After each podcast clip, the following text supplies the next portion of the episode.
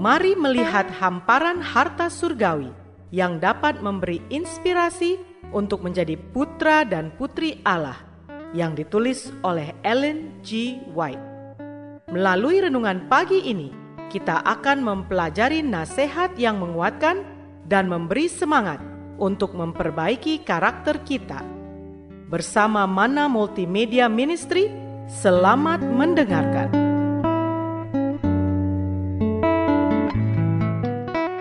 Shalom, selamat pagi saudaraku.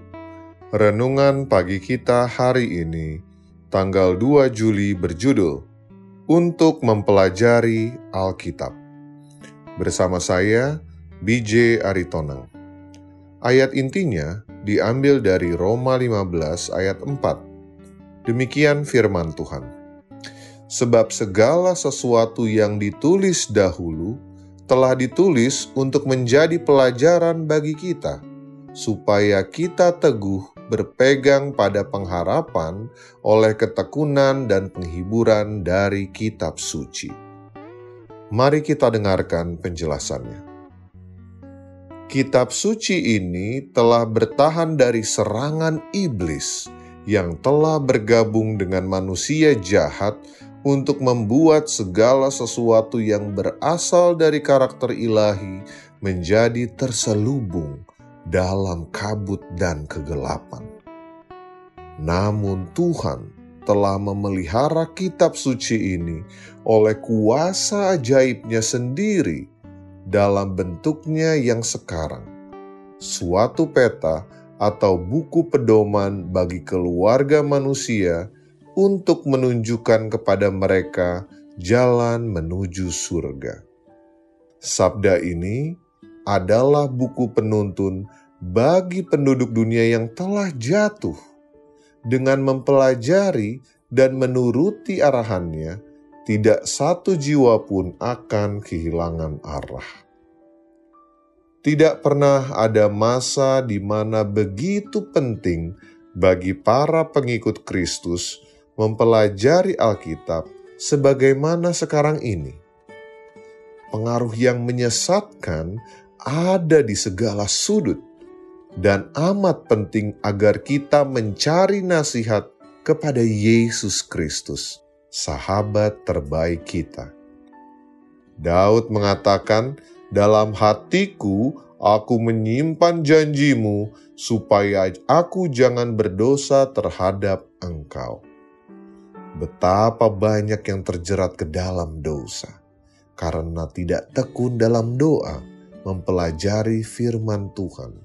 Mereka tidak menyadari keberdosaan dari dosa itu dan tidak mengetahui bagaimana mereka bisa dengan teguh melawannya.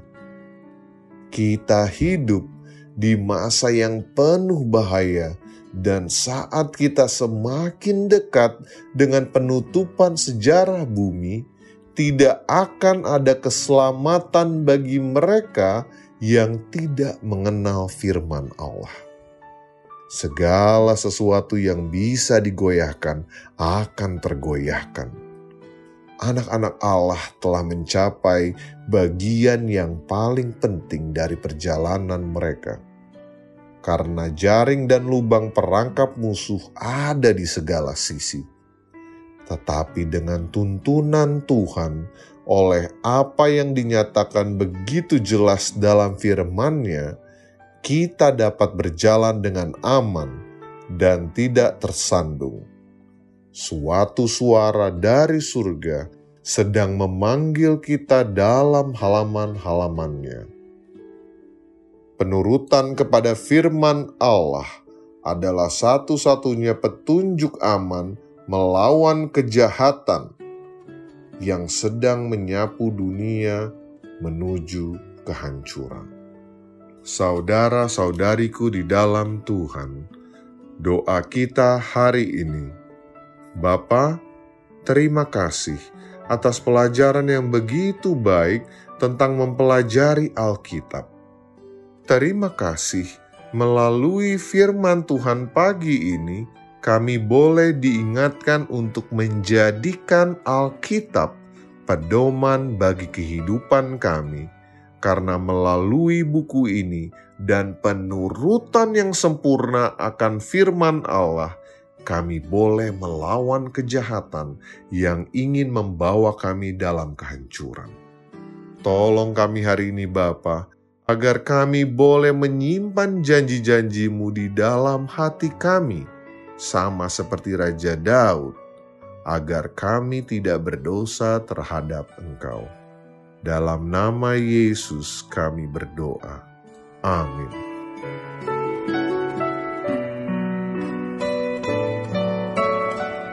Demikianlah tadi pembahasan tentang menjadi putra dan putri Allah. Semoga firman Tuhan hari ini menjadi berkat bagi Anda. Sampai jumpa, Tuhan memberkati.